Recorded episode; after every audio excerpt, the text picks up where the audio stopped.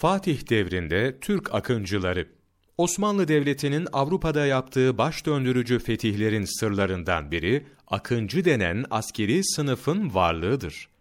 Bugünün komandolarına karşılık olan akıncılar düşmanın iktisadi ve manevi yapısını alt üst ederek savaşın kazanılmasında pek önemli bir rol oynarlardı. Türk akın tekniği şöyleydi.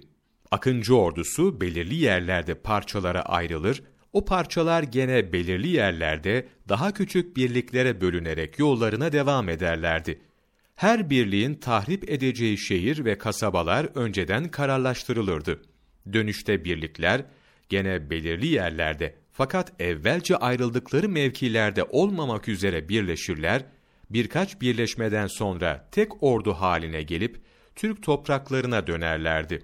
Bu durum düşman ülkesini dehşet içinde bırakır, yıldırımlar ve kasırgalar gibi esip geçen akıncıların nerede ve ne zaman bulundukları ve bulunacakları hakkında yüzlerce söylenti çıkardı. Fatih Sultan Mehmet son yıllarında 25 kadar devletle birden tek başına savaşa girmişti. Bu savaşı kazanmak için Akıncı ordusundan pek çok faydalandı. Türkiye ile savaş durumunda bulunan büyük Avrupa devletleri akıncılarla yıldırırdı. Bu akıncıların önemi hakkında bir fikir edinebilmek için büyük akıncı beylerinden Mihaloğlu Gazi Alaaddin Ali Paşa'nın hayatı boyunca Tuna'yı kuzeye doğru tam 330 defa geçtiğini hatırlamak kafidir.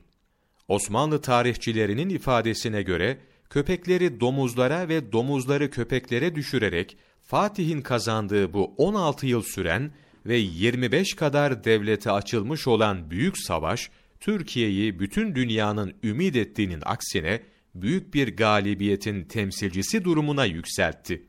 Fatih'in askeri ve siyasi dehasının yanında akıncılarının da paylarının büyük olduğu bu savaş, Türk-Osmanlı tarihinin dönüm noktalarından biri oldu. Türkiye'yi emsalsiz parlaklıkta bir geleceğe doğru itti ve Osmanlı gücünün münakaşasız şekilde cihan çapında olduğunu açık ve seçik olarak gösterdi. Yılmaz Öztun'a, Türk tarihinden yapraklar, sayfa 123-125, 29 Nisan Mevlana takvimi